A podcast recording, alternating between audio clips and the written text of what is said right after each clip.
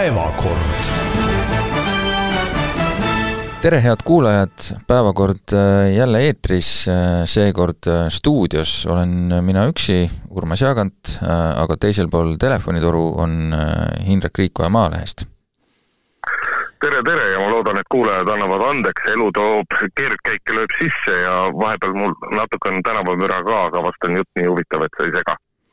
jaa, jutt on kindlasti huvitav, sellepärast et äh, täna päevakorras meil järgmised teemad, õpetajate streik, äh, kuidas see kulgeb ja kuidas sellega edasi läheb ja mis sellest lõpuks saab ja muidugi, kes on võitjad-kaotajad. sotsid äh, möödusid reitingutabelis Keskerakonnast, noh, kuigi mööndusega tegelikult võib öelda, et on suht samal pulgal, aga märgiline sündmus siiski. kellele korraldatakse vabariigi aastapäeva,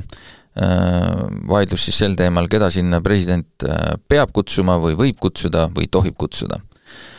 automaks saadeti Riigikogule, äh, arutame selle üle, mis sest edasi saab, sest et kõike valitsus sellel kokku ei leppinud. Mis veel ei ole kokku lepitud, on see, kuidas katta mm, suur noh, kulude kate riigieelarve strateegias ja nüüd on vaja hakata juba lähiajal siis sinna midagi äh, välja mõtlema, erakondadel on eriti huvitavaid mõtteid. ja samuti räägime mm, sellest, äh, mida siis me oleme õppinud nendest elektrikatkestustest, mis siin on nii eelmisel äsja möödunud aastal kui ka sealt eelneval aastal olnud ja mida see ütleb meie mm, võrgu kvaliteedi ja ka Elektrilevi kui ettevõtte kohta, kelle asi seda võrku on hallata aga alustame siis äh, kõige no põletavamast küsimusest, õpetajate streigist. Ähm, see kestab, üks jupp sellest on läbi, need õpetajad, kes said siis streikida siin kolm päeva, on oma streigi ära pidanud, need, kellel on võimalus seda teha pikemalt äh, ja tahavad seda, need jätkavad,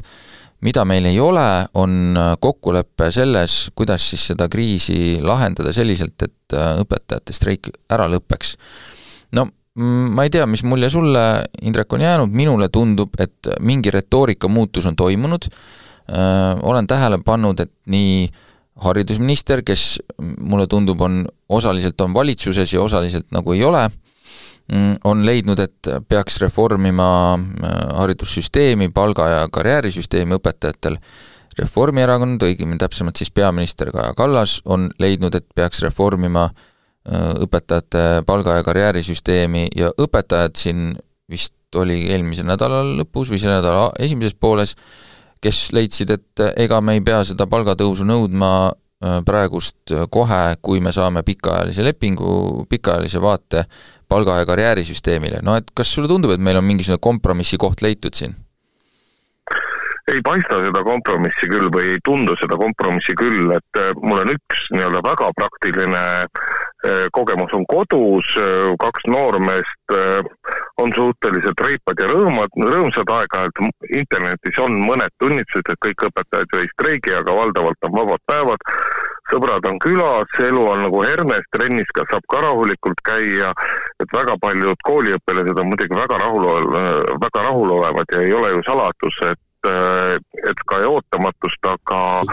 valdav osa Eestist minevaid äh, paketipuhkusreise müüdi suhteliselt ruttu selleks nädalaks välja, et äh, paljud perekonnad kasutavad ära seda võimalust, et näed, saab perega puhkama minna. aga kui poliitikute juttu kuulata, siis äh, minu jaoks on kõige pentsikum see, et äh, samal ajal kui nagu Haridustöötajate Liit on tulnud järjest vastu, kui me hakkame eelmisest suvest pihta, nad on oma nii-öelda palganõudmises alla tulnud ja eelmise nädala lõpus oli siis see, et et kui me saaks vähemasti nii-öelda õpetaja tööajad, koormused, nendes asjades saaks mingile kokkuleppele ja saaks pikas perspektiivis äh, mingisuguse palgatõusu kava paika ja kokku lepitud, et noh, siis sellel aastal võib-olla see palk ikkagi nii palju ei peaks tõusma, aga selle peale teatas ju meie peaminister, et eh, isegi nii-öelda pikas perspektiivis lähiaastateks ei ole võimalik midagi kokku leppida, sellepärast et kõigil on raha vähe. ehk eh, peaministri erakonna või peaministri poolt ma näen küll nagu sellisesse mingisse totaalsesse kaevikusse äh, ennast kaevamist ja mul järjest rohkem tekib see tunne, et üritatakse mängida selle peale, et ega õpetajad ei saa lõputult äh, streikida, nende südametunnistus ei luba seda ja et nii üritab siis valitsus või, või, või parlamendi, äh, Reformierakond sellest tülist välja ujuda ja noh, see on ikka kõik väga kentsakas. Ei, miks ta kentsakas on, selles mõttes, et streigi murdmine täpselt nii käibki, et äh, ega kui juba minnakse noh, nii-öelda piltlikult öeldes nugade peale, siis, äh, siis selline see peabki olema, siis tuleb see streik ära murda nii või teisiti ja kas see on, kas see nii või siis see teisiti meile rohkem meeldib või vähem, sellel pole selles mõttes tähtsust, äh, praegu me oleme jõudnud sinnamaani, kus see küsimus on ju tegelikult selles, et kes esimesena pilgutab, kes esimesena järgi annab ja noh, selles mõttes on, on ka teised osapooled siin üsna sügavale ennast kaevanud äh, ja ega siin väga suurt nii-öelda mm, noh, mõistmist äh, ei ole, kuigi jah, mina, ma ütlen, et mina olen neid sõnumeid küll lugenud natuke selliselt, et et midagi nagu paistab, iseküsimus on see, et kas kas see, mis paistab, kas sellel on ka mingisugust nagu kaalu, et, et ma arvan, et ega tegelikult ei oleks poliitikutel selle vastu midagi, kui kui suudetaks äh, nii-öelda äh, Äh,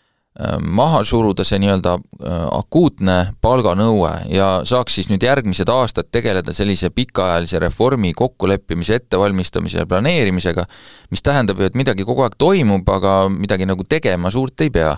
ja minul on kõige mina olen kõige skeptilisem, võib-olla see on minu isiklik probleem, aga olles korra näinud lähe-, nagu selles mõttes Eesti poliitikas sellist asja, kus ka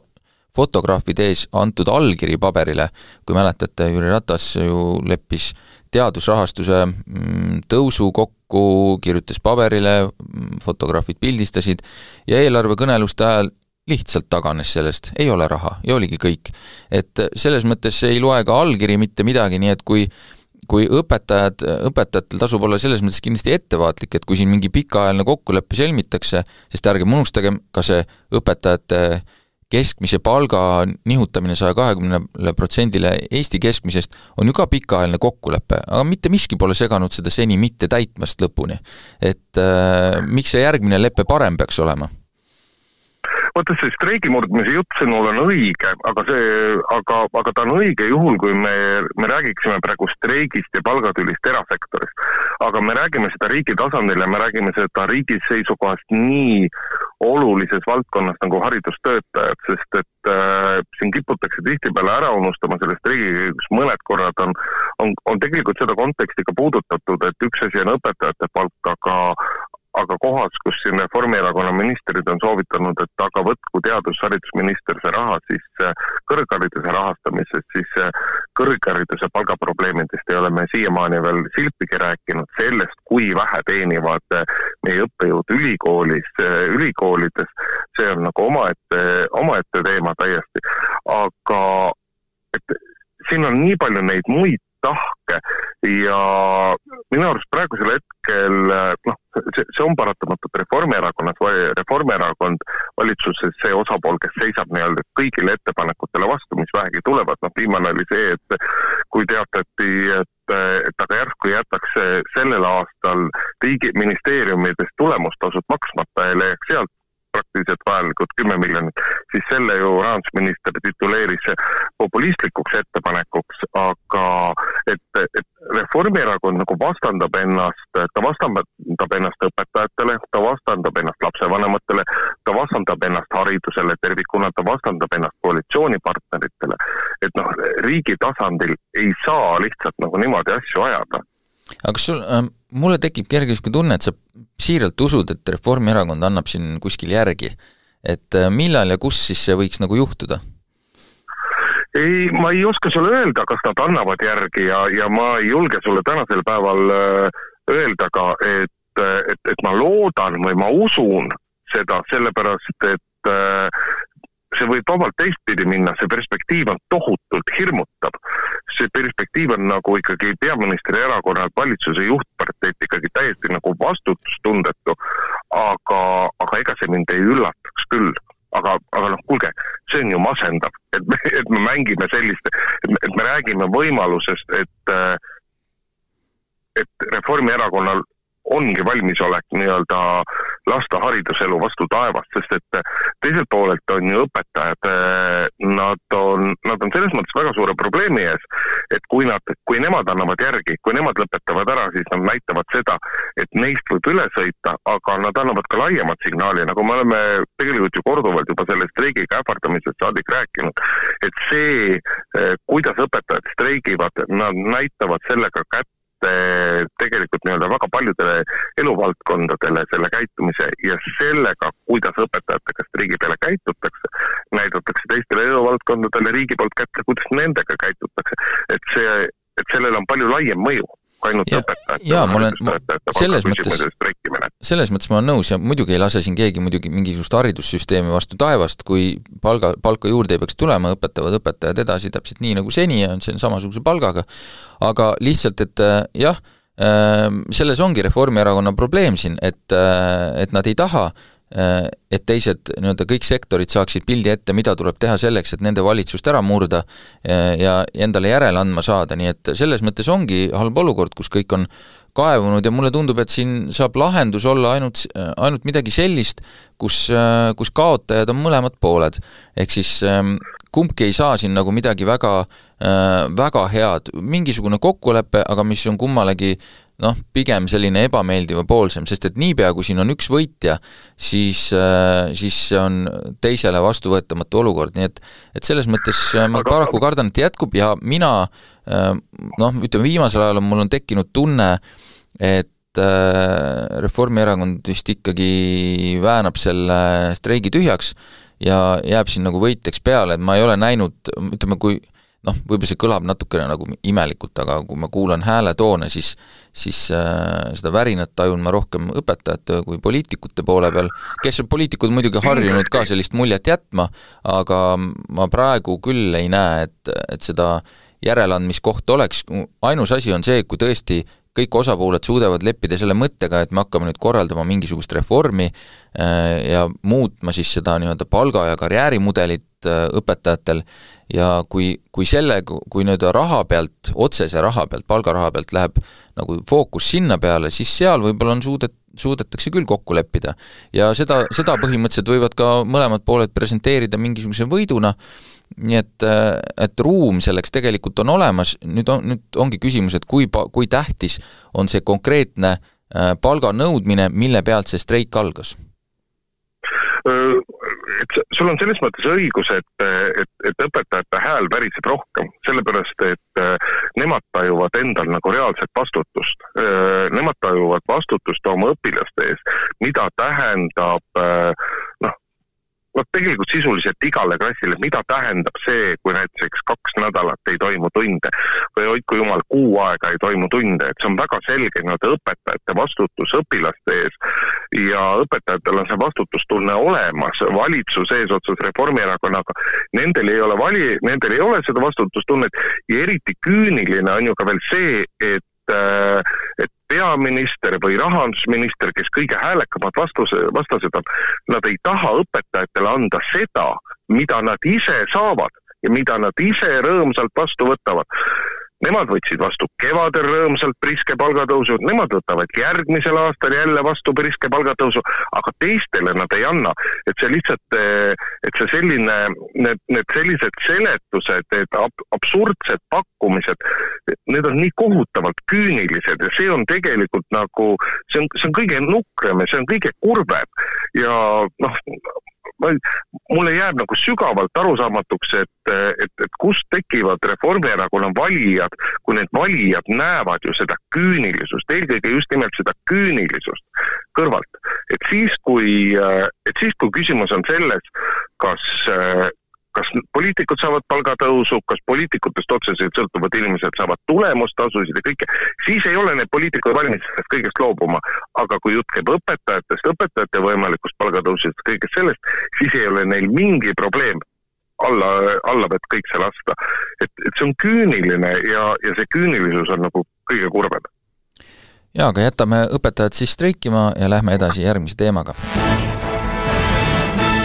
värsked äh, erakondade reitingud äh, tekitasid äh, küll, nagu sa sissejuhatuses ütlesid, väga napilt, aga siiski olukorra, kus sotsid on tõusnud mööda Keskerakonnast tõsi küll, vahe on väga, väga napp, vahe on null koma seitse protsendipunkti ehk ilusasti mahub see vea piiridesse. tegelikult ka seal nii-öelda teise ja kolmanda koha vahe ehk siis Reformierakonna kaheksateist koma kaks ja EKRE seitseteist koma kuus on niisugune null koma kuus protsendipunkti. et, äh, et vahed on väga väiksed, nad on märgilised, siin ajakirjanduses on juba räägitud ka sellest, et et need näitavad nelja nädala keskmist, aga kui vaadata viimast nädalat, siis seal on nii-öelda vahed justkui veel suuremad. aga igal juhul sotsid on äh, on suutnud, hoolimata sellest, et neil nii-öelda valitsuses justkui midagi äh, ette näidata ei ole, nad Keskerakonna ülevõtmistega on suutnud jätta valijatele mulje, et nad on paremad ja reitingud äh, toetavad neid selles. Jah, nad on nii-öelda nagu tõusulainel, ehk siis ähm, nad on jät-, jätnud mulje nagu võitjaerakonnast, kellel, kellel asjad lähevad paremini, kellega tahavad liituda teiste erakondade tipptegijad ja selle, selle pealt nagu noh, tulevad ka valijad kaasa, kes, kes võib-olla on olnud siin nagu kahe vahel mingites kohtades. et kui püsiv see trend on, seda ma ei tea, ma pigem noh, võib-olla on vara veel öelda, kas see nii-öelda sotside selline järsem tõusunurk on siin olnud mingi kolm, kolm-neli nädalat. no neli nädalat aasta algusest tegelikult. umbes nii ja ütleme, võib-olla natuke vara järeldada, aga hetkel ma ei näe ka mingisugust suurt nagu põhjust, miks nad peaksid siit äh, väga palju allapoole tulema, sest et kui me vaatame neid püsti olevaid teemasid, äh, kus noh, Reformierakond ikkagi selles valitsuses on see, kes igasugusteks asjadeks raha ei anna,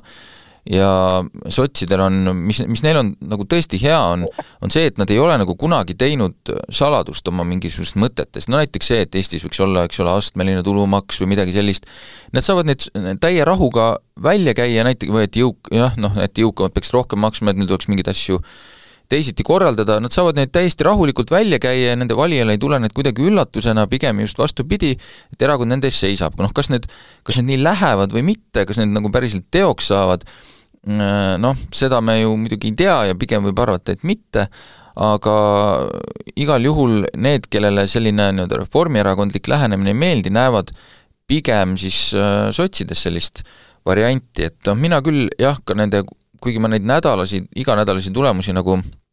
vaatan nagu skeptiliselt selle koha pealt, et pigem tuleks jälgida reitingute puhul nagu trende, siis äh, tõesti seal iganädalastes on äh, sotsid rebinud juba oluliselt ette ja Keskerakond veelgi langenud allapoole,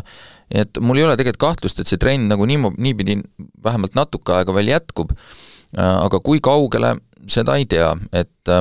eks siin sotsidele võib-olla ka teiste erakondade selline liikumised natuke avaldavad mõju, kui siin teisi tuua, on EKRE on näiteks juba pär-, mõnda aega sellises üsna korralikus langusjoones, mm, aga ma ei olegi veel lõpuni kindel, kas kas see tuleb sellest, et nad on sellised äh, kõvad lärmajad või tuleb see sellest, et nad lihtsalt viimastel nädalatel ei ole väga lärmanud, mida nad tõesti ei ole. et äh, nendel on selline huvitav valik äh,, paistab oma valijate tähelepanu püüdmisel. ja ka Isamaa selline reitingu lennuk on jäänud sellisele stabiilsele kõrgusele, mis on muidugi väga kõrgel, eks seal kahekümne kuue protsendi juures on jäänud praegu enam-vähem sinna, nii et et noh, võib-olla siit äh, sotsid on siit-sealt veel natukene juurde saanud, aga igal juhul valitsuserakondadest, et kui, kui Reformierakond on peaministriparteina niisugune ei-erakond, siis äh, kahest teisest valitsuspartnerist äh, mulle tundub, sotsid on kõige rohkem selline jah-erakond, et kes kes äh, jääb silma nagu mõistlikult, jääb silma selliselt, et tundub, et neil on plaan, äh, kas see on või ei ole, eks seda igaüks võib ise hinnata, aga aga paistab, et neil on ja see, see kõlab nagu kõik usutavalt, no erinevalt Eesti kahesajast, kes on siin ka oma mingeid reklaamikampaaniakesi käima pannud, aga ei ole ikkagi suutnud äh, mm, samasugust kuvandit nüüd enam luua pärast seda, kui, kui nende see reiting siin äh, need suured jõnksud üles ära tegi? ma arvan, et lugeja või kuulajale korraks peab seletama, et miks seda ühenädalast ei, ühenädalasi reitinguid ei saa nagu nii puhta kullana võtta, et küsimus on selles, kui palju äh, nii-öelda ühe nädala jooksul inimesi küsitletakse, et seetõttu seal on sellest tulenevalt, kuna valim on väiksem, siis kõikumised on suuremad ja sellepärast jälgitaksegi seda nelja nädala keskmist, aga, aga kui trendidest rääkida, siis jah, huvitav on see, et, et EKRE on nagu eelmise aasta novembrist on nagu järjepidevas languses, aga siin poolest detsembrist saadik on on ref, nii Reformierakond kui, kui Keskera- või vabandust, nii Reformierakond kui sotsid nagu oma toetust kasvatanud, et kui me vaatame selle, seda, millega valitsus on hakkama saanud, mida valitsus on teinud, siis justkui nii-öelda sellele,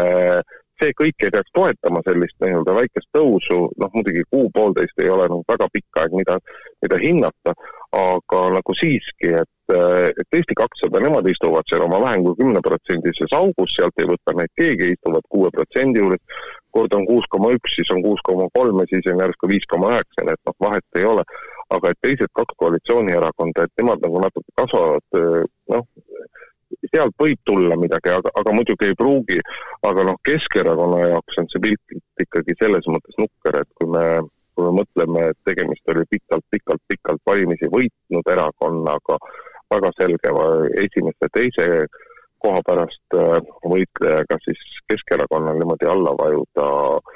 ja kõige kurvem on see, et Keskerakonna poolt ei ole ka ei paista ka mitte mingisugust püüdu teha midagigi selleks, et, et reiting võiks tõusta, et neil opositsioonierakonnal on tegelikult nagu suurepärane võimalus kasvatada reitingut ainult rääkimisega, tegema ei pea sa mitte midagi. aga nad kas ei taha, nad kas ei saa aru, nad kas ei mõista, et seda, seda ongi keeruline mõista ja sellest on keeruline aru saada. jah, ja eks see sotside võit äh, tuleb paljuski sinna arvele kirjutada ja minu jaoks on ka kummaline, et Keskerakond, kui nad reitingut tahavad kergitada, siis peab olema pildis üleriigiliste teemadega, rääkima nendes kaasa, siblima kogu aeg valitsuse ümber ja nende teemade ümber, mis on ühiskonnas äh, riigi juhtimise tasandil pildis, seda me Keskerakonnalt nagu Isamaa ja Urmas Reinsalu teevad. täpselt, aga seda me paraku nendelt ei näe. aga läheme äh, selliste pidulikemate teemade juurde ka, ähm, varsti tulemas äh, vabariigi aastapäev, presidendi vastuvõtt ja kuidagi äh, tilkus välja, ilmselt teadlikult, mitte avalikult kommunikeerituna, asjaolu, et ähm, president Alar Karis siis ei kutsu seekord kõiki sada ühte Riigikogu liiget oma vastuvõtule. Ja sellest tõusis muidugi paras mäsu mm,, siin on mitu asja, mida, mille koha pealt siin võiks nagu mõtteid mõlgutada, üks on see, et kas president niimoodi teha tohib ja kas see on mõistlik ning siis ka näiteks selle nurga alt, kas Riigikogu liikmetel on mõistlik niimoodi reageerida, nagu mõned on seda teinud, igal juhul äh, noh, torm võib-olla veeklaasis või kuigi vaadates meie riigi ees seisvaid nagu probleeme ja väljakutseid, tundub see selline äh, väiksemat sorti teemakene, aga paistab, et poliitikutele mitte, sest et kõikide sõjaanalüüside ja kõikide muude selliste asjade kirjutamise kõrvalt on ikkagi leitud, et siin tuleb ikka sõna võtta ja võib-olla siis ka põhiseaduses veitsa sõrmega järge ajada no aga ütle siis, kas Alar Karis tohib jätta enamuse Riigikogust kutsumata ja järgmisena vastage küsimusele, et kas nii on mõistlik? no mina arvan, et tohib küll jah, et äh, ma ei, ma muidugi saan aru, et see, et see nagu pidu ei ole nüüd päris presidendi enda e, erapidu, kuhu ta valib, keda ta nagu kutsub äh,, aga see ei ole minu arvates sealt ka nagu nüüd kuigi kaugel. Et äh, Riigikogu on, on esindatud äh, ka siis, kui, kui sealt ei ole kutsutud kõik, ma olen kuulnud ka siin niisuguseid mõtteavaldusi, et Riigikogu, iga era-, liigu-, Riigikogu liige eraldi on institutsioon, ma ei ole päris kindel selles, kas see nii on, aga noh, võib-olla no, äh, aga, selle eest. aga pigem siiski mitte, nii et äh, selles mõttes ma arvan, et tal see õigus äh, kahtlemata on äh,, kas ta pidi seda tegema, no selles osas ma nüüd ei tea, kas see, et mida head see nagu kaasa toob, et äh, kindlasti meeldib see paljudele Eesti inimestele, ma arvan, et äh, suuremale osale, eriti neile, kes on jälginud viimasel ajal poliitikas toimuvat, äh, nemad tunnevad, et see, et president on nende poolel ja see asi võiks, selle võiks kokku võtta umbes selle kahe sõnaga paras teile et äh, selline võiks see umbes see mõtteviis olla, kes, kes sellele nagu kaasa kiidavad. Et ähm, kas see, kas see parandab kuidagi suhteid või midagi läheb konstruktiivsemaks, äh, kas see aitab, äh, ütleme, tuletab kuidagi Riigikogu liikmetele eriti karmilt meelde, et neil on vaja leida mingisugune kokkulepe, kuidas seal oma, oma tööd korraldada, Riigikogus, ma nagu paraku ei usu, et see nagu sellele väga palju kaasa aitab, päris kindlasti aitab see kaasa sellele, et president Karisel jääb üks ametiaeg presidendi kohal, ükskõik mis ta nüüd siin edaspidi edasi teeb, aga võib-olla on ta sellega kindlasti juba arvestanud, aga ma ei, ma ei ole kindel, kas see midagi positiivset kaasa toob, aga kuna see on juba tehtud, siis ma ei näe ka selles mingisugust sellist probleemi, et, et see ähm, mis, mis siin kõik on kõlanud, õõnestaks kuidagi mingisugust noh, natuke liialdades põhiseaduslikku korda ma olen sinuga jah täiesti nõus selles, et loomulikult presidendil on see õigus ja see on äh, institutsiooni üritus, jah, see ei ole presidendi erapidu, aga see on ühe institutsiooni üritus. ja sellel institutsioonil on õigus valida need inimesed, kes sinna, kes sinna kutsutakse. oma loogika on nendel juttudel, et äh, justkui parlament on, ta on kõige kõrgem rahvaesindus, äh, rahvas on valinud aga siiski parlamendiliikmed nii opositsioonist kui koalitsioonist, väga paljud liikmed peavad ikkagi endale viimast peaaegu aastat äh, arvestades nagu sügavalt otsa vaatama ja mõtlema, et kas nad on nii-öelda, kas nad on väärikalt esindanud rahvast ja, ja, ja siin paraku on äh, ikkagi väga paljude puhul tuleb kahjuks öelda, et, et nad ei ole sellega hakkama saanud, et selles mõttes eh, minu arust eh, presidendi poolt niisugune väike ninanips on isegi vaata et hea ja on, on, on täitsa asjakohane. Eh, ja mulle väga nagu meeldib, et meil on teist korda järjest on president, kes, kes julgeb teha ka otsuseid, mille puhul ta teab, et need võivad tema tulevikku just seda teist ametiaega silmas pidades, võivad sellele nagu väga saatuslikuks saada. aga noh, aga kõigest sellest hoolimata muidugi paljude parlamendisaadikute, on see siis Ester Karuse, Karuse, on see siis Raimond Kaljulaid, on see kes veel, no kuulge, teil võiks ikkagi piinlik olla hakata kurtma seda, et noh, kuulge, mida räägib ühe inimese kohta see, et ta tellib ära kleidi, kui ta pole saanud isegi mitte veel kutset. et kas ta noh, kas, kas, kas ta igas asjas teeb siis, tõttab sündmustest ette või. ja noh, ka peaminister Kaja Kallase avaldus muidugi selle kohta, kuidas see on ebaaus ja, ja kuidas kuidas, kuidas temagi nüüd ei tea, kas tal sobib minna. et noh, ühest küljest ma tahaks muidugi öelda, et vabariigi aastapäeva üritusega ei juhtu, äh, presidendi vastuvõtuga ei juhtu mitte midagi sellest, et peaminister äh, seal ei osale see ei ole mitte kuidagi vähem väärtuslik, tuletame meelde kahekümne, kahe tuhande kahekümnendat aastat, ma korraks tõin kahtlema, või oli see kaks tuhat üheksateist, kui äh, peaminister Jüri Ratas ei läinud presidendi vastuvõtule, põhjendas seda sellega, et tal on perega, kas nad vist olid reisile minemas samal päeval või midagi sellist, kus noh, ka nähti seda põhjust, et kuna president Kaljulaidi ja Jüri Ratase suhted ei olnud kõige paremad. ja toona muuseas äh, mitmed reformierakondlased ja kui ma ei eksi, siis ka Kaja Kallas olid nagu mõnevõrra iroonilised äh, Jüri Ratase aadressil äh, selles osas, et äh, viidates ja vihjates justkui nagu nii ei sobiks ühele peaministrile käituda. aga noh, praegu hakata Kaja Kallasest nagu niimoodi rääkima, et äh, et minu arust on Kaja Kallas ja, ja, ja paljud valitsuskoalitsiooni saadikud nagu kohatult palju viimase poole aasta jooksul üritanud eh, presidenti käituma õpetada, presidendile kombeid õpetada, teha asju, mis ei ole noh, noh, neil, neil ei ole mitte mingisugust nagu põhjust seda teha. ja nüüd nagu jätkata sedasama vaimu, et eh, see on noh, see on kohatu, see on pentsik, see on piinlik ja mitte presidendi, vaid peaministri poolt. no peaminister ongi nüüd juba öelnud, et ta ei lähe, et see ei ole enam niisugune võib-olla, vaid, vaid nii on, aga, aga lihtsalt jah, selle no mis... vot, et viimane uudis mul on siis äh, jäänud märkamata. ma usun, et pidu tuleb väga tore neile inimestele, hoolimata sellest, et Kaja Kallast ei ole ja minul endal küll tekib rohkem küsimus, et et kas Kaja Kallas on, on solidaarne parlamendiliikmetega, kui me vaatame, kuidas ta parlamendi kõnetoolis tihtipeale käitub, siis varem ei ole seda seal solidaarsust nagu näha olnud parlamendiliikmete suhtes või on asi hoopis selles, et eh, peaminister pelgab, et, et kui ta abikaasaga sinna läheb, et võib-olla ta käest eh, inimesed hakkavad küsima ebamugavaid küsimusi tema abikaasadega, Venemaa äride kohta ja kõike sellest, et võib-olla see on hoopis väikest viisi niisugune nahahoidmine tekib. noh, nüüd sa teed ilmselt natuke liiga, sest et eh, seal sel teemal ei ole vist enam küsimusi, mida,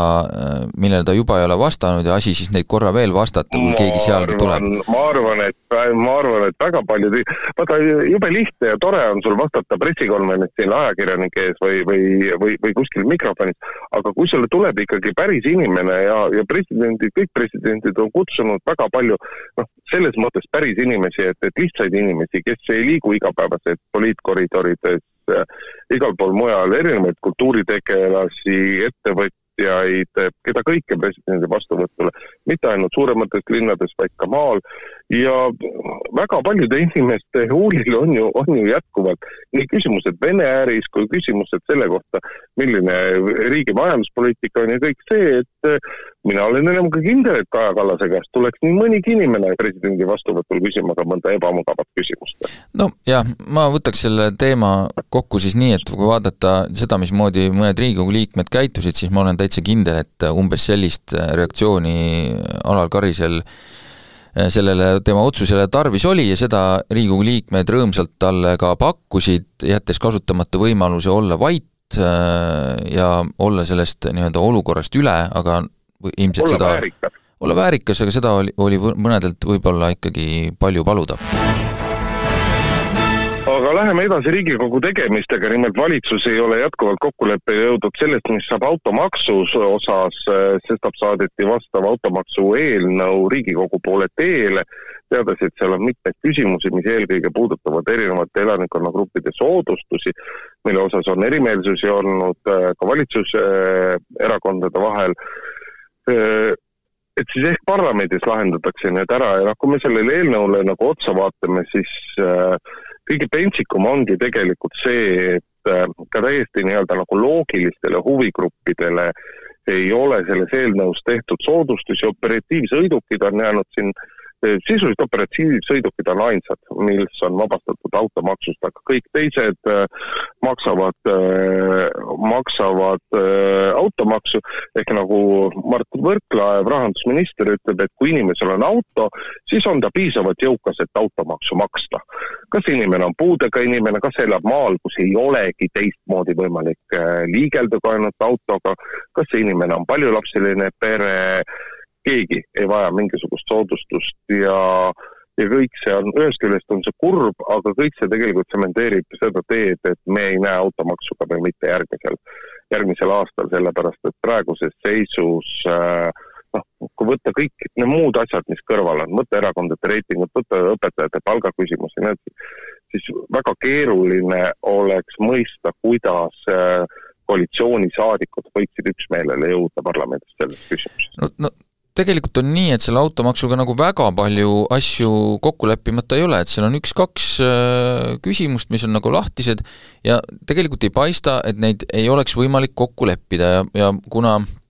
siin on tegemist aga valitsuse eelnõuga, siis on ju siin põhimõtteliselt ka võimalik, et kui kui näiteks koalitsioonisaadikud siin tahavad hakata jalgu lohistama, siis on võimalik see panna lihtsalt usaldushääletusele ja siis on küsimus, et kas hääled on või hääli ei ole, mis omakorda vastab küsimusele, kas see valitsus on või seda valitsust ei ole. nüüd küsimus on, et ja. küsimus on tõesti, et kas Reformierakond ise tahab seda endiselt teha, minul on jäänud mulje, et tahab, aga ma näen ka variante,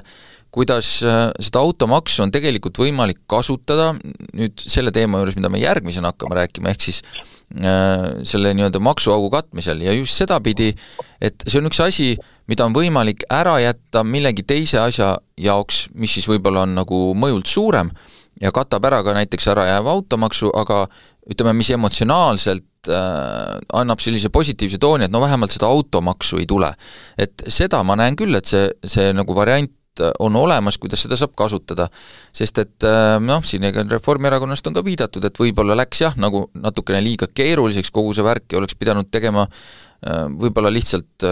noh, suvalise näitena näiteks tulumaksu lihtsalt paar protsenti rohkem ja oleks olnud korras. et ähm, ma ei välistaks seda võimalust, et selle automaksuga kavatsetakse mm, midagi huvitavat ette võtta, aga noh, kui jääda selle nagu printsiibi juurde, et enamasti on tõesem see asjade käik, mis tundub kõige lihtsam ja loogilisem, siis muidugi ma arvan, et see, see võetakse Riigikogus usaldushääletusega vastu, sest muud moodi see kindlasti sealt läbi ei lähe, arvestades, et äh, kindlasti opositsioon siin äh, treib valmis oma paarsada muudatusettepanekut, mm, nii et äh, ma pigem arvan, et see nagu tuleb, aga, aga tõesti huvitav on lihtsalt teoritiseerida neid variante, mida on või kuidas oleks võimalik seda ära kasutada mingiteks muudeks asjadeks, et aga aga selles mingis mõnes küsimuses, mis seal lahti on, noh küllap jõutakse kokkuleppele, muidugi imelik on, et neid valitsuses kokku ei lepita, sest et äh, tavaliselt ikkagi valitsus oma eelnõud sellisel sellisel noh, lõpetamata kujul äh, välja ei saada ja natuke paistab, et see valitsus üldse juba mitmenda asjaga proovib niimoodi teha, et, et seda nagu Riigikokku liigutada, et esmane reaktsioon on kerge tekkima, et see plaanitakse seal seisma jätta, aga aga see ei pruugi nii minna ja pigem, pigem ma arvan, et see ikkagi tuleb. No vot, mina ei tea, kas ta tuleb või ta ei tule, aga ma tahtsin minagi viidata nii-öelda sellele võimalikule RES-i teemale ja sellest, et automaksust teha üks kauplemise objekt, sellepärast et äh, minu teada oli, oli valitsuses ka arutelu ka sellel teemal, et, et siduda see automaks ikkagi ka usaldushääletusega, aga seda julgust selle tegemiseks praegusel hetkel ei ole, sest et äh, eelkõige sotsid, aga natuke ka Eesti kakssada on ka nagu võtnud väga jõulisi positsioone siiamaani äh, just teemal, millistele valdkondadele või millistele huvigruppidele tuleks teha, tuleks teha soodustusi ja sotsidel on nagu väga keeruline äh, taganeda sellest äh,. lisaks äh, väidetavalt ka mitmed uued äh, uussotsid, kui nii saab öelda, kes küll esialgu parlamendis peavad aknaalustes ridades istuma, et ka nemad on nii-öelda nagu väga teravalt võtnud sõna selle vastu. Äh, automaks olla olnud üks teema, mis oli käsitlusel ka siis, kui, äh, kui tänased sotsid, eks erinevad keskerakondlased endale uut koduparteid otsisid. Äh, üks vähestest sisulistest asjadest, mis või konkreetsetest eelnõudest, mis nendel läbirääkimistel Äh, laualt läbi käis, oli just nimelt see automaksu küsimus. ehk äh, sotsid on automaksus ennast nagu väga tugevalt nagu nurka mänginud, nad ühest küljest äh, nad, nad tajuvad seda kui lakmuspaberit, et kui tõsiselt, hoolimata justkui suurenenud jõuõlast parlamendis, kui tõsiselt Reformierakond neid võtab, eks seal on taustal nagu mitu teist asja, üks asi, mis neist arvatakse, mis arvatakse mingites huvigruppides neist, mis arvatakse neist valitsuses, et sotside jaoks on see automaks muutunud nagu hästi selliseks põhimõtteliseks küsimuseks ja, ja sellepärast sotsid on hästi jäigad. Aga nagu sa õigesti viitasid, et mingil hetkel on seda võimalik kasutada kuskil kauplemiseks, et teeme, jätame automaksu ära, teeme midagi muud, teeme sõjamaksu näiteks. Just, et äh, see, kindlasti tasub seda automaksu jälgida, mis sellest saama hakkab ja see kuigi need kalkulaatorid on meil kõikidel meediamajadel ammu valmis ja igaüks saab arvutada, mis need siis erinevatel eelnõude variantidel siis on need maksud olnud, ja praegu on, et äh, ei pruugi veel müüma midagi hakata, ei pruugi see automaks äh, sellisel kujul tulla või siis üldse tulla, aga see on esialgu teooria, küll me seda näeme äh, ja võib-olla nüüd oleks aeg minna siis selle teema juurde, milleni me juba osaliselt jõudsime. Ja see teema on äh, riigieelarve strateegia küsimus, no ma ei tea, kas me hakkame siin lahkama seda, kas äh, eelarvestrateegia on lahti või ta on kinni, ega vist ei ole suuremat vahet, küsimus on selles, et kust leida kate nendele kuludele, millele katet siis ei leitud, kui seda riigieelarvet kokku lepiti, ja see summa on seal kuskil erinevaid, öeldakse nelisada, nelisada kuuskümmend miljonit eurot, Äh, mis pidi algselt siis saama katte mingisuguse uue maksu näol või maksutee näol, aga nüüdseks on Reformierakond jõudnud siis arusaamale, et äh, seda vist ikkagi teha ei saa. Ja nüüd siis äh, mm, rahandusminister Võrklaev on lubanud siis tulla nüüd siin kuu lõpus välja mingisuguse uue lahendusega, vahepeal on juba jõudnud sotsid ja Eesti kakssada muidugi rõõmusõnumina enda jaoks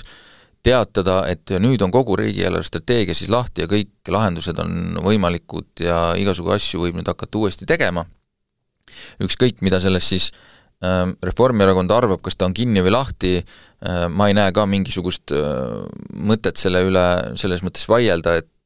kui otsitakse nii suurt katet, siis igal juhul tuleb terves RES-is teha mingisuguseid muudatusi, kui, kui seda tahetakse sinna mingisugust, mingisugust katteallikaid leida. et selles mõttes noh, põhimõtteliselt ikkagi arutatakse uuesti riigi eelarvestrateegiat minu arvates ei ole, ei ole RES-i arutelu, riigi eelarvestrateegial arute, arutelul mitte mingisugust mõtet ennem, kui, kui valitsus on välja mõelnud selle, kuidas turgutada majandust, kuidas pöörata majandus kasvule, kuidas täita neile pandud eesmärki, teha Eestis elu paremaks. Ja see on see, mida väga paljud ettevõl-, erinevad ettevõtlusorganisatsioonid kellel on valitsusele nii-öelda jutule väga keeruline pääseda või, või osade ministrite jutule väga keeruline pääseda, mida on aktiivselt nii-öelda tehtud lobitööd just parlamendis ja parlamendis ka koalitsiooni Äh, koalitsiooni parlamendisaadikute seas, et, et väga palju on, on käidud, on räägitud ja on rõhutatud, et ennem kui te RES-iga tegelete, palun mõelge välja, mis te majanduses teete, kuidas Eesti sellest Euroopa majanduskasvu mõttes nii-öelda punase laterna rollist välja tuleb, tulla, sellepärast et kui seda saavutatakse, siis on lootust ka, et nii-öelda RES tõuseb, äh, et RES-i positsioon ja olukord paraneb ka ilma et peaks hakkama makse tõstma, vaid paraneb just parema majanduskasvu, parema maksulaekumise ja selle kaudu. ja, ja jutt jumala õige, et see peaks olema see võti, sellepärast et tänasel hetkel RES-i võib arutada valitsuses nii palju, kui tahetakse. Valitsusel on tegelikult nii-öelda kaks võimalust, kas kui, juhul kui nad nii-öelda majanduskasvule ja sellele ei mõtle, mida praegusel hetkel ei tehta, siis kas tõsta makse või võtta rohkem laenu, et tulude poole peal nagu muud, muud varianti ei ole. No jaa, mõnes mõttes ma olen sinuga nõus, mina ei usu, et äh, majanduskasvule ei mõelda, küllap mõeldakse, lihtsalt need lahendused ei ole sellised, äh, mis tooksid äh, seda nii-öelda tulu kohe tagasi, nagu meil mõned ettevõtted reklaamivad, et sa saad kohe nagu raha tagasi, ostad ja saad raha tagasi, et ähm, vähemalt osa sellest. et selliselt ähm, majandusse investeerimine vastupidi, nõuab just alguses veel rohkem kulusid mm, ja Reformierakond on keerulises seisus, sest nemad on lubanud ju eelarvepositsiooni parandamist, tasakaalule lähemale liikumist et äh, kui nüüd hakata rääkima, et äh, meil on vaja tegelikult kulusid hoopis suurendada ajutiselt siin, et, et need hakkaksid siis siin paari aasta pärast tagasi tooma, no ma ei tea, kellele see jutt seal nagu meeldib, et äh, aga, aga nii see on, et tõepoolest, ma arvan, et see majanduse vaade on kindlasti neil nagu silmade ees ja see, see soov seda olukorda parandada kahtlemata on, ma, ma selles ei kahtleks, ainult et äh, kuidas sinna jõuda no,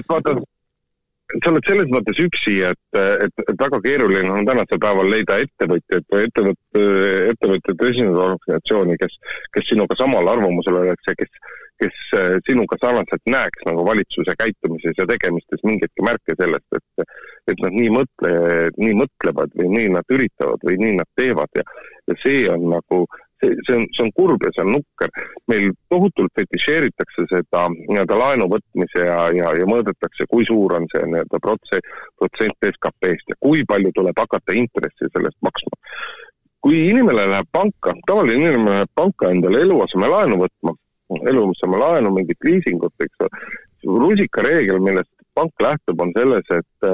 et äh, inimesele ei tohi äh, laenude teenindamiseks kuluda rohkem kui kolmandik tema nagu sissetulekust. Äh, annaks jumal, et riik ei jõua sellisele laenuprotsendile, aga, aga kindlasti riigi laenu võtmise kontekstis ei tohi unustada seda, et Eesti riik on tänasel hetkel veel väga, väga, väga kaugel sellest, et Eesti riik riiki võetud laenud muutuksid nagu väga suureks probleemiks. et tänasel hetkel, kui võtta laenu selle jaoks ja kulutada seda nii, et selle abil oleks võimalik riigil tulevikus rohkem teenida, siis on laenu võtmine täiesti normaalne. aga probleem on pigem see, et valitsuskoalitsioonist ei paista ühtegi ideed ja ühtegi mõtet, et neil oleks, et mida teha laenurahaga, et see tulevikus rohkem tagasi tooks no. tänasel, täna see... ei ole, valitsusel ei ole enam mõtet ju viidata sellele, kuidas, et meie peame laenu võtma sellepärast, et et selle hirmsa ja kohutava Jüri Ratase valitsusaegseid äh, eelarveauke katta ja katmata lubadusi äh, äh, kinni maksta ja nii edasi, ei ole. laenu võeta, võtab tänane koalitsioon ikka selle jaoks, mida nad ise teevad ja ise teinud. seda küll, aga noh, lihtsalt äh, ega olid ka Kreeka ja Itaalia taolised riigid olukorras, kus ühel hetkel sai raadiosaates öelda, et me oleme veel sellest punktist väga-väga kaugel, kus kus need laenud mingiks probleemiks muutuvad ja ometi nad selleks probleemiks muutusid, võib-olla natuke läks aega, aga sinna nad igal juhul jõudsid, et ähm, selles mõttes, et muidugi me võime siin praegu mõnusasti teoritiseerida ja siis järgmisel, järgmisel aastal räägime siin juba, et noh, me oleme hea küll liikunud lähemale, aga endiselt kaugel ja nii edasi. et, et muidugi põhiküsimus on selles, et mis on see idee, kuhu need laenud peaksid minema, no kui me kui me nagu siin tuleme korraks nagu tagasi selle arutelu juurde, mis meid ees peaks ootama, siis mina arvan küll, et see saabki olema mm, noh, mingisugune äh, kombinatsioon, et ega ei ole ju Mart Võrklaev rahandusministrina öelnud, et äh, teisi makse juba olemasolevaid näiteks ei võiks tõsta, et et ma arvan, et see tuleb variandina lauale, kindlasti leitakse mingeid kohti, kus saab nagu kärpida, äh, väga tõenäoline on, et tuleb see kõige halvem lahendus, ehk siis üle välja kärbe, eks, äh, välja arvatud mõned valdkonnad, kus siis teised saavad veel eriti kurjaks selle peale, et mõned on priviligeeritud seisus, ja siis tuleb ka mingisugune laenu võtmine sinna juurde, et ega siin võib ju mõelda, et noh, et, et äkki keegi on leidnud kuskil mingi imetabase lahenduse selle jaoks, no ma arvan, et ei ole imetabast lahendust, et et see lahendus saab olema niisugune klassikaline kombinatsioon ja niimoodi me purjetame rõõmsalt edasi, eh, ehk siis sätitakse see nii-öelda ehm, noh, võla piir ja siis ka nii-öelda eelarve, lubatud eelarve niisuguse defitsiidi piir, kuhugi sinna kolme protsendi lähedale, mis Euroopa Liidu reeglite nõue on, et äh, tiksume seal ja siis äh, pole meil seda, pole meil nagu mingit muret, peab lihtsalt vaatama, et see sealt üle piiri ei lähe, aga ega me selle nii-öelda Reformierakonna lubatud tasakaalu poole küll kuskilt suunast liikumas ei ole, et et seda tõesti ei paista ja neid noh, investeeringuid, mida vaja oleks teha, me näeme igas valdkonnas, kus meil tegelikult on see piir kätte jõudmas, äh, kus meil on puudu ja need, see puudu olemine hakkab juba nagu reaalses elus ka välja paistma, äh, tekivad päris elulised probleemid, kus on lihtsalt noh, ütleme siis remondivõlg jäetud erinevates valdkondades sisse, olgu see sotsiaalvaldkond või haridus või või päriselt mingisugused asjad, mida on vaja remontida, aga neid, seda, seda võlga on lastud igale poole nii palju juba sisse, et need mõjud hakkavad avalduma, kui tuulekene vähekene rohkem juhtub puhuma. Aga,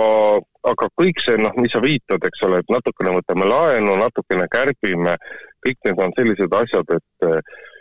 et Eesti riigil ei ole ja valitsus ei suuda meile sõnastada seda uus suurt eesmärki, mille poole me püüdleme, sellepärast et eelarve tasakaal ei ole see uus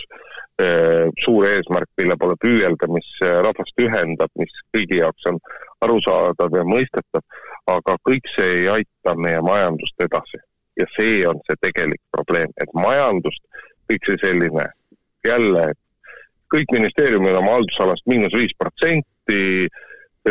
siis võtame veel miljardi laenu juurde, kõik see majandust edasi ei edenda ja edasi ei arenda. sellest jääb kõigest ikka puudu.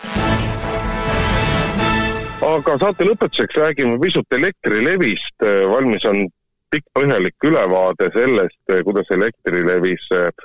on asjad aastaid käinud, miks meil on tekkinud elektrikatkestusi nii palju. See küsimus sellest, et äh, paljudes kohtades nii-öelda ei ole elektrivõrku piisavalt investeeritud, seda me kõike teame, aga selgelt nii-öelda uus teadmine, mis Elektrilevile kindlasti mitte uhkust ei tee, on sellest, et juba väga pikka aega on Elektrilevis täiesti puudulikult korraldatud äh, nende meeskondade töö või, või õigupoolest nende meeskondade infovahetus, mis kriitilises olukorras, äh, kui on väga palju elektrikatkestusi, peaksid nagu oravad ringi siblima ja, ja katsuma võimalikult ruttu võimalikult paljudes kohtades rikkeid kõrvaldada. Ja saatuslik on olnud väga lihtne asi, ei ole olnud korralikku sidesüsteemi äh, inimese ekipaaž teeb kuskil rikke kohe korda ja siis ei ole tal olnud korralikku kiiret ühenduse võtmise võimalust Elektrileviga, et kõik saaks üle kontrollitud, et saaks järgmisele tööle, tööle minna. ehk kahekümne esimesel sajandil ei ole suudetud tagada normaalset ettevõttesisest infovahetust ja see on jahmatav no eks ta veidi on, aga teistpidi ei ole ka, et see kipub tihti nii olema, et kui on, kui on mingi selline äh, kriis äh,, siis siis tundub, et midagi on kuskil kapitaalselt, peab olema nässus, täiesti midagi uskumatut äh, peab olema juhtunud, aga tihti, tihti ei ole, tihti on see järjestikuste väikeste probleemide avaldumine, kus üks tingib teise ja see lumepall veereb aina suuremaks ja siin üks osa sellest probleemist tõesti oli see, et et äh, see sidepidamine käis mingil viisil, mis, mis ei töötanud, õigemini ma saan aru, et uus süsteem juba oli, aga kõik ei olnud sellega harjunud või toimetasid sellega kuidagi valesti, ühesõnaga sealt, sealt tekkis palju lisaprobleeme juurde, mis siis koormasid niigi koormatud süsteemi veel rohkem üle, noh põhimõtteliselt võib ju laias plaanis jõuda siit tagasi selle asja juurde, mis me enne ütlesime, raha, seda lihtsalt ei ole olnud piisavalt, ei ole piisavalt dispetšereid, kes vastu võtavad äh, parandajate kõnesid, ei ole piisavalt neid meeskondi, kes objektidel oleks ja nii edasi ja nii edasi, rääkimata siis jah, nendest liinidest, mis on sellises seisus, nagu nad parasjagu on ja iga päevaga ka järjest kehvemas, et äh, väga oluline järeldus oli ka ikkagi see, mida ütlesid ka töötajad seal, et lihtsalt neid äh, liinialuseid ei ole piisavalt äh, korras hoitud ja need probleemid on avaldunud ka teistviisi kui lihtsalt, et puu peale kukub, vaid näiteks lumi painutab lihtsalt traadi seal all kasvava võsani ja ongi plaksti lühis. et äh, ka sellised asjad juhtuvad ja need kõik viivad sinna ühte samma kohta välja, et piisavalt ei ole sinna äh, investeeritud ja muidugi on nüüd Elektrilevi inimesed rääkimas, kuidas raha on juurde vaja, aga seda raha lihtsalt äh, ei ole, sest kõik teistes valdkondades on see täpselt sama probleem, teehooldust vaatame või midagi muud. Et ähm, ma võin muidugi... aru, ma võin aru saada sellest, et lund sajab, et on raske, ma võin aru saada sellest, et vahel on jäänud äh, kuskilt liinialused äh, võsast puhastamata, aga sellest ma küll ei saa aru, et kui üks rikket parandab brigaad peab ootama pool tundi või rohkemgi, seal oli, oli ka ju groteskseid näiteid tunduvalt pikematest kui tunniajastest äh, ooteaegadest, kui brigaad ei saa nii-öelda keskusega ühendust äh, selleks, et raporteerida, et tal on töö valmis, et saaks ruttu ära, äh, ära proovida, kas sealt asi läheb ja siis minna järgmist äh, järgmi-, et minna järgmist riket edasi parandada, siis noh, sellisele asjale ei saa olla tänasel päeval nagu vabandust, no tõesti ei saa olla vabandust. No ma üldjoontes olen, olen nõus, aga eks siin, eks siin ongi nagu palju õppimist, ma arvan, et neid torme saab meil olema veel ja ja eks need probleemid, küll saab see probleem, ma arvan, see enam ei kordu tõenäoliselt, nüüd loetakse kõigile sõnad peale, harjutatakse läbi ja muud sellist, aga avaldub järgmine probleem kuskil järgmises kohas, sest et lõppkokkuvõttes on asi ikkagi selles, et inimesi on on selles valdkonnas lihtsalt vähe ja raha nende palkamiseks ei ole, nii et ja kõiki jamasid me niikuinii ei likvideeri siin Eesti hõreda asustusega, väga hõreda asustusega riigis, ja mõnedes kohtades see elekter jääb ära käima, ma lihtsalt toon lootust, lootust, et ehk, eh, ehk mitte nii palju ja nii kaua, et see inimestele võiks ohtlikuks muutuda. aga sellega vist äh, tõmbaks ka tänasele saatele joone alla, äh, päevakorra saates äh, rääkisid Urmas Jaagant Eesti Ekspressist, Indrek Riikoja Maalehest, järgmisel nädalal uus saade, kuulake meid jälle ja kuulake ka seda saadet erinevatest keskkondadest, Delfi taskust eriti või siis Spotify'st, Apple'ist ja mujalt. Kuulmiseni! päevakord